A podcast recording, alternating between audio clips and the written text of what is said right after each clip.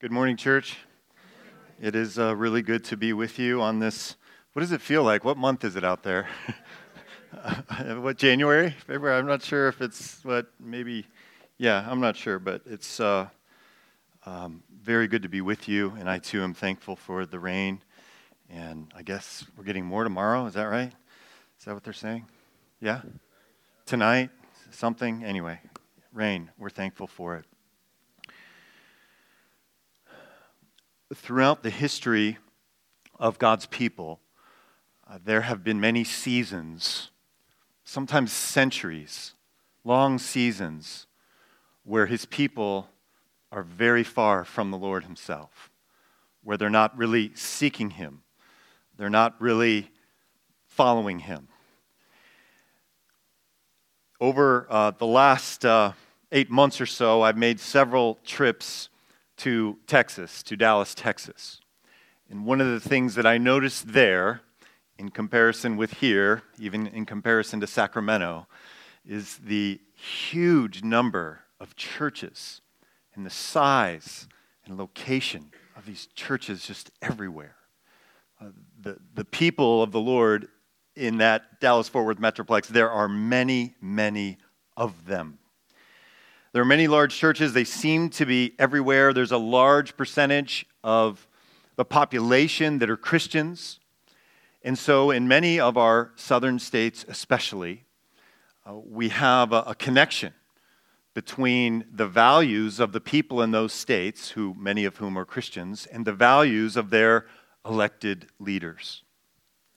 And we have a migration going on in our country I don't know if you've read about this or seen it, but there's lots of people leaving states so that they would be in states where they are more like minded with the leaders of those states, the elected leaders. Those of you that are getting nervous, this is not about politics at all. Um, but the reality is that many Christians do not like having elected leaders who hold strong views that are opposed to biblical values. And on the other side of the spectrum, we have the same thing going on. And so we have people moving all over the place. As we look at the call of Samuel in chapter 3, in this text that David just read for us, we're going to see a believer who thrives in a place that could be described as a spiritual wasteland, as a place of, I, like the phrase gospel rich, gospel rich environment. We're going to see a believer, Samuel, in, beginning in this chapter and in the next few weeks, who thrives in a place where the people around him are not serving the Lord, are not revering the Lord. And yet, he thrives. So, what today's sermon is about is that faithful believers can thrive even in a spiritual wasteland. Now, the irony of today's passage is Samuel is living at what is, by God's design, to be the epicenter of faith and of worship life for Israel. He's living in Shiloh, where the tabernacle, where the Ark of the Covenant was, anticipating one year the temple being built. He, he's not living in a, in a state uh, that should be described as, as uh, our state is described by outsiders as, as a land of fruits and nuts. I don't know if you've heard that, but you'll, you'll find that if you travel as a place for missionaries to come to. This is not the kind of place where Samuel should be living, but that's the environment that he's in. The people around him are not serving the Lord. The elderly priest Eli lacks spiritual discernment. We've already seen him mistake a godly woman who's praying for someone who is drunk. It's not a good indicator of the spiritual leader uh, when he mistakes someone who is praying with intensity for someone who is drunk. We're going to see that spiritual leader, we just heard it read, Eli, the most senior man on the scene, who's near the end of his life, once again not discern the word of the Lord that is going to be coming through Samuel to this place, Shiloh. So, Samuel, who is a boy in today's passage, we're not sure how old he is, we're not told, so we don't need to know. Maybe he's 10, maybe he's 13, we don't know. But he is not seeking some, some other place to thrive. He is going to grow and be strong in the Lord right where God has him in Shiloh with ungodly people all around him. And at the top of the ungodly list are Hophni and Phinehas, who are the active, functional priests on duty as their father is too old to be doing a lot of the things that need to be done. And they are described as wicked. I mean, wicked. We could describe what is going on in Shiloh, going back a few sermons, to uh, a prostitution center where immorality, in addition to how they are blaspheming God in the way they're conducting the sacrifices, there is massive sexual immorality going on. This is the environment that Samuel, the boy, thrives and grows to love and serve God. God is more than sufficient to lead Samuel to a beautiful life where he thrives spiritually. You know, Samuel, in some ways, has similarities to the Apostle Paul and the environment that Paul found himself in. If we go back a few months to our sermon in Romans 15, in that text, you might remember that Paul's ambition was to preach the gospel where Christ was not known. So the Apostle Paul's heart was to go to places where the spirit of the world, the flesh, and other false religions ruled and reigned. That's where he was going to go. That's where he thrived. And he says, This is why I've often been hindered from coming to you. This is why I haven't made it to the epicenter of the Roman Empire, to the great city of Rome, and to the churches in Rome. I haven't been there yet because God's called me to go to the places that are hard, where there are no churches, and to share the gospel and to plant churches. Now, Paul and Samuel are contrasts in many ways. Paul is a man, he's a missionary, he's traveling, and Samuel is a boy, and he's stationary, and he's in Shiloh, and he's near the ark of God and the epicenter of worship. So they're contrasts in that way, but they're similar in that the environments in which they live in are hostile to the things of the Lord, and yet they both thrive. So today's sermon is specifically intended for you and me or anyone hearing this message to be faithful, to be strong believers. And to be a faithful, strong believer does not require a gospel rich environment for you to be in. This is one of the takeaways from today's chapter in this very difficult period in the history of God's people. We've looked at this verse again and again, but just to give you a framework historically, we are coming to the end of the time period that is referred to as the time of the judges in biblical history and world history. Samuel himself is described as the last judge. He's also a priest, he's also a prophet. He's a judge, a priest, and a prophet, and today marks the beginning, in many ways, chapter 3 of his ministry. But he's living in a day where there was no king in Israel, and everyone did in what was right in his own eyes. He lived in a cultural environment that was not gospel rich, and yet God was with him and made him strong. He wants to do the same thing in our lives. If that's the environment that you're in, maybe you are surrounded by godliness and in a gospel rich environment, and that's in many ways where we all want to be, but we don't need to be in that environment to be strong in the Lord. Well, with all of that by way of introduction, let's come back to our text here, and I want to walk us through this textual unit, which is really the entire chapter uh, 3. So hopefully you have your Bibles open or your devices open. Let's take a look at 1 Samuel chapter 3 and verse 1. It says, The boy Samuel, again, he, we don't know his age, but he's young. He has been left in Shiloh by a covenant from his mother and father since probably about the age of three. So the boy Samuel, maybe 10 or 13, he ministered before the Lord, before Yahweh, the covenant keeping God of Israel, under Eli, under this elderly priest who is lacking discernment. And Eli is not only the priest who lacks discernment, he is functionally Samuel's father. Elkanah is, is, is gone. He's not there. He would, they would travel as a family once a year to Shiloh. So Samuel not only has Eli as a, a boss, if you will, but as his father figure. His father figure. So, what we see here right at the beginning of verse 1 is that Samuel served the Lord well while under ungodly leadership. Ungodly leadership. His functional father, the, the leader of all of the center of the worship life of ancient Israel in this time at Shiloh, was by Eli and his sons.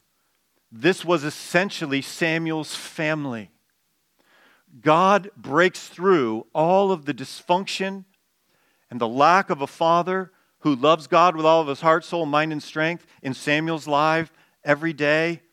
And God makes him a, here a boy, but eventually a man of God. And it begins here, especially in this chapter 3, where the Lord calls Samuel. I want this to be an encouragement to those here who have not had or currently do not have godly fathers or father figures, or you have family envy, and you look at these families that are, uh, again, using that phrase, gospel rich families. Man, I would love to have a family like that.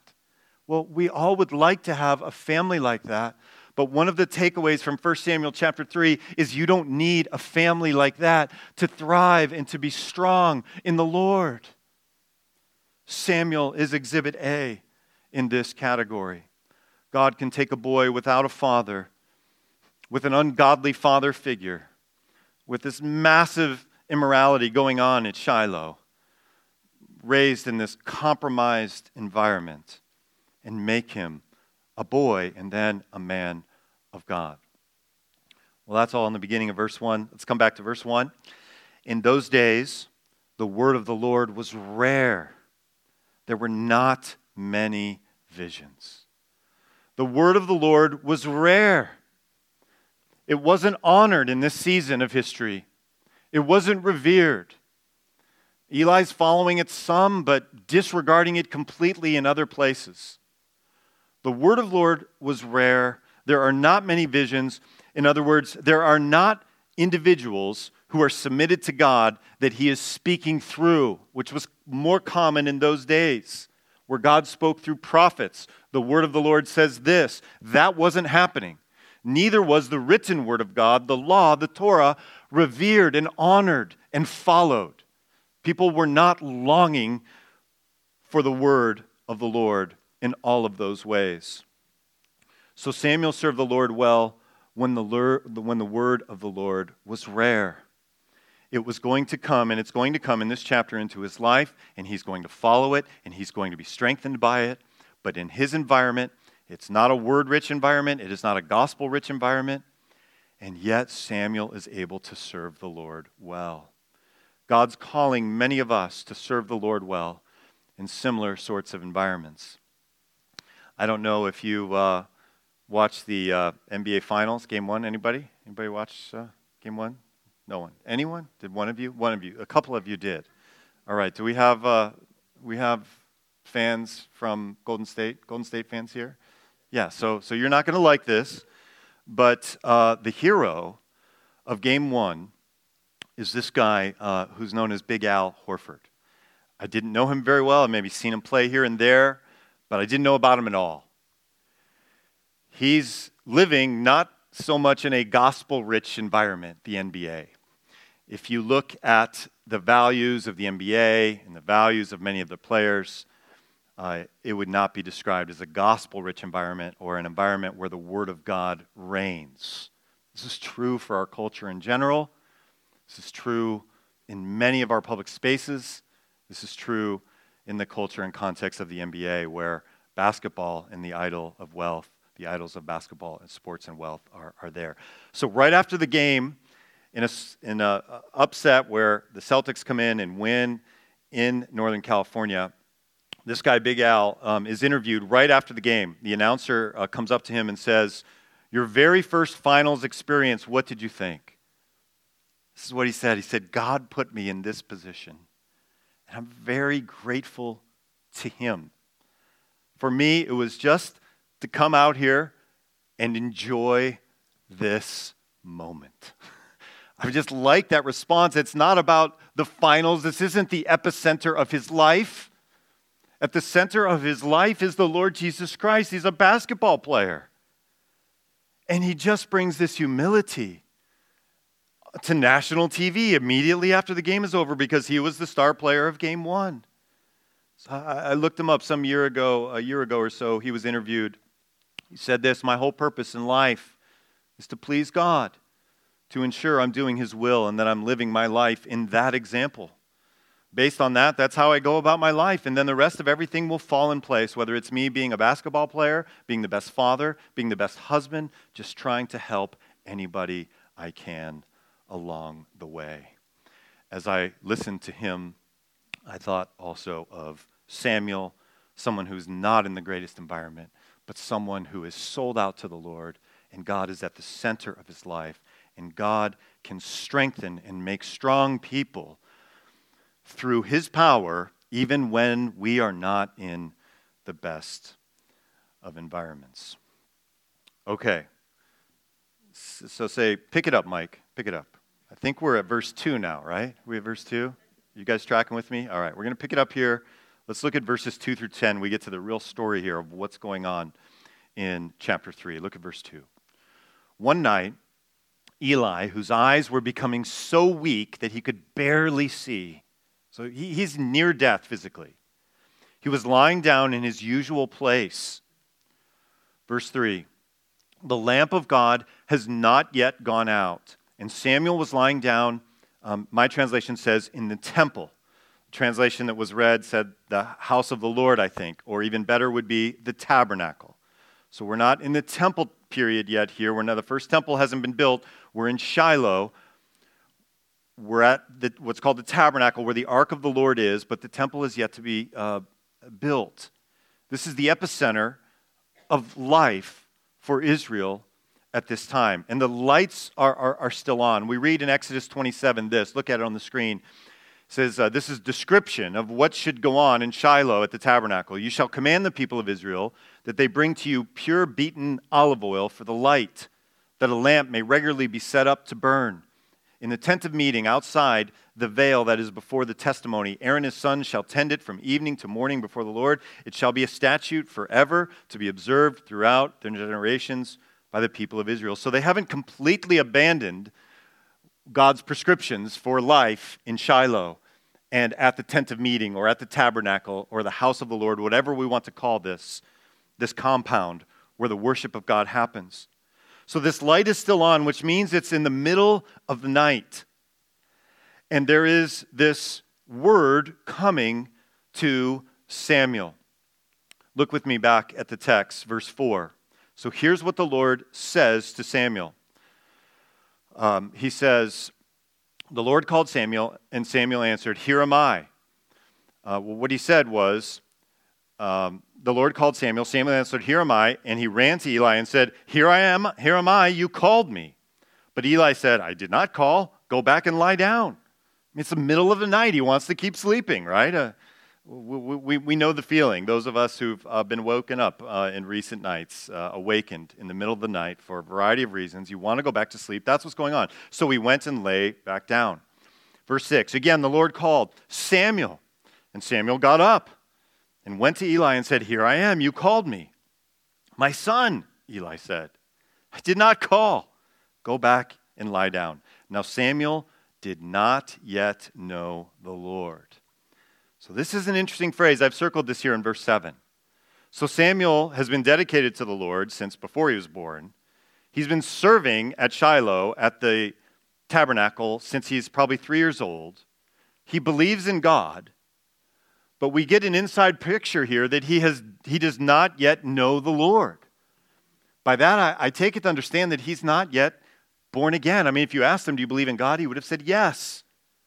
But he has not been born again. He's not been made new. His faith has not been, his, his heart has not been regenerated yet. Even though if we talk to him, he would say, Yeah, I, I believe in the Lord. So the word of the Lord, verse 7, had not yet been revealed to him. Verse 8 The Lord called Samuel a third time, and Samuel got up and went to Eli and said, Here I am, you called me. Then Eli realized that the Lord was calling the boy. You see, in this time, the word of the Lord was rare. And so the priest doesn't even have in his mind that God may be speaking through someone to the people. Verse 9 So Eli told Samuel, Go and lie down, and if he calls you, say, Speak, Lord, for your servant is listening. So Samuel went and lay down in his place. This is all happening in the middle of the night while the lights are burning in the tabernacle. So Yahweh came and stood there, verse 10 says. Now, as I've read this text a bunch this week, I mean, what would this be like? The Lord comes and stands in front a third time to this boy. Now, what did he look like? I mean, I have to say from the text, he must have looked like who? Eli. I mean, the Lord must have presented himself in such a way that this boy thinks that the Lord, this theologians call it theophany, was Eli. But it wasn't Eli, it was the Lord standing there in front of them of him as a human being. He's calling, as at the other times, Samuel, Samuel. Then Samuel says what Eli told him to say Speak, for your servant is listening. So before we continue in the text, we'll come back to this in just a moment. Out of these verses, through verse 10, I want us to see this that Samuel served the Lord well even when he did not recognize the Lord. I mean, he is, God has spoken in the figure of a human being to Samuel three times, Samuel does not recognize who he is. And the careful reader of the text will have an explanation. How is this? Verse 7 Samuel did not yet know the Lord, he hadn't been revealed to him. God is the leader in making us his children. The Holy Spirit does a work and, and, and calls us to him, and we believe. And this has yet to happen in Samuel. But Samuel is still serving the Lord well, even though he doesn't even know what is going on or who the Lord is. So God often works in our lives, and we do not recognize him. This is what's going on in Samuel's life. God is at work in significant ways, and he doesn't recognize it as I read this passage this week and thought about my own life. I was uh, 16 years old. I didn't know the Lord.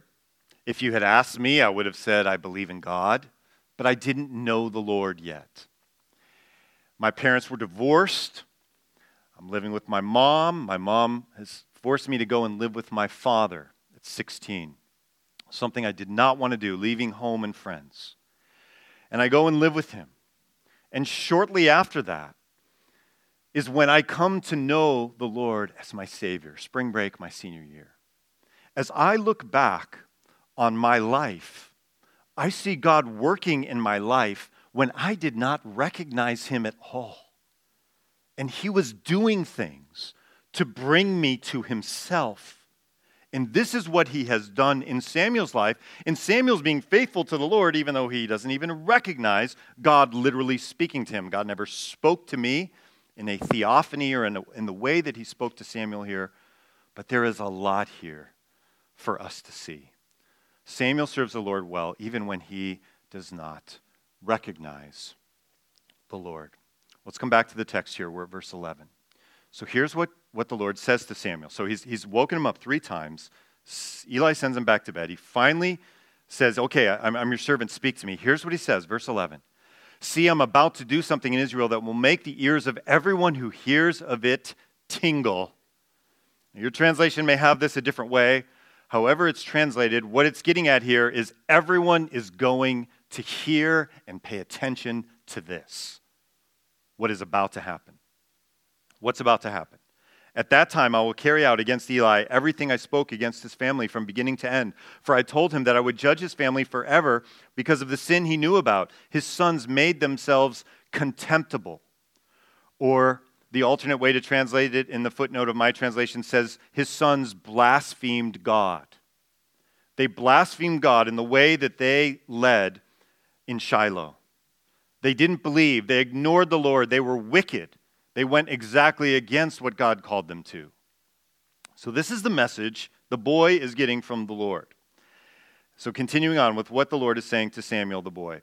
And he failed to restrain them. Eli failed to restrain them, his sons. Therefore, I swore to the house of Eli, the guilt of Eli's house will never be atoned for by sacrifice or offering. This is strong. This is difficult. Why is it never going to be atoned for? Because they don't believe. His sons don't believe and Eli doesn't believe.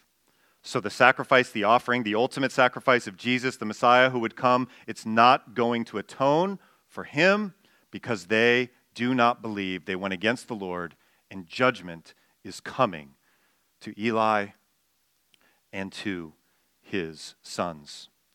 Verse 15. So, what does he do with this? I mean, can you imagine? This is, this is the word of the Lord for you. Uh, to, to give to Eli. Samuel lay down, verse 15, until morning, and then opened the doors of the house of the Lord. They're following the procedures and protocols in God's word here in some ways. He was afraid to tell Eli the vision. Understandably. I mean, this is the, the senior leader at Shiloh, and this boy was given a message from the Lord to speak a prophetic word of judgment to him and his sons. This is a tall task. Verse 16 But Eli called him and said, Samuel, my son. Samuel answered, Here I am. What was it he said to you? Eli asked. Do not hide it from me. May God deal with you, be it ever so severely, if you hide from me anything he told you. So Samuel told him everything, hiding nothing from him. And I've circled that in my text here. He hid nothing from Eli. This boy told the whole counsel of God, everything that was revealed, he told it with great difficulty and hardship. He spoke the word of the Lord to Samuel. It was a word of judgment from God. Then Eli said, He is the Lord. He is Yahweh. Let him do what is good in his eyes. He is accepting the judgment that is about to come upon him, that has been spoken by the word of the Lord through this young prophet, this young judge, this young priest, Samuel. So Samuel served the Lord well by not sugarcoating the word of the Lord. He spoke exactly what God called him to say to this elderly man, Eli, his father figure. This is a difficult task to do. How does this relate to your life and my life? Well, my prayer for me and for you is that we will be opening the Bible with people who are not familiar with it, maybe with people who don't believe it, maybe people who neglect it, but they're believers. God does not want us to present the Word of God in a superficial way that, that, that makes it look like something it isn't. He wants us to preach and share the hard parts of the scriptures as well as the easy parts of the scriptures to share the whole counsel of God, not to sugarcoat it or make it superficially attractive. That is not what God's people are about. So, the Lord has used Samuel, and he has served the Lord well by not sugarcoating the word of the Lord. let's come back and finish up just a couple verses left here, verses uh, 19 to the end the Lord was with Samuel. So, this is a clue to the reader that he is no longer outside of the Lord, but he knows the Lord now. The Lord, Yahweh, is with Samuel as he grew up, and he let none of his words fall to the ground. So, this is a contrast with Eli's sons and with Eli. He is a man of integrity, And his words, his prophetic statements, his judgments are going to be from the Lord. None of them are going to fall to the ground. He's a man above reproach. In the New Testament terms, he is an elder qualified man. He's a sinner, he's not perfect, but he is living a life of integrity.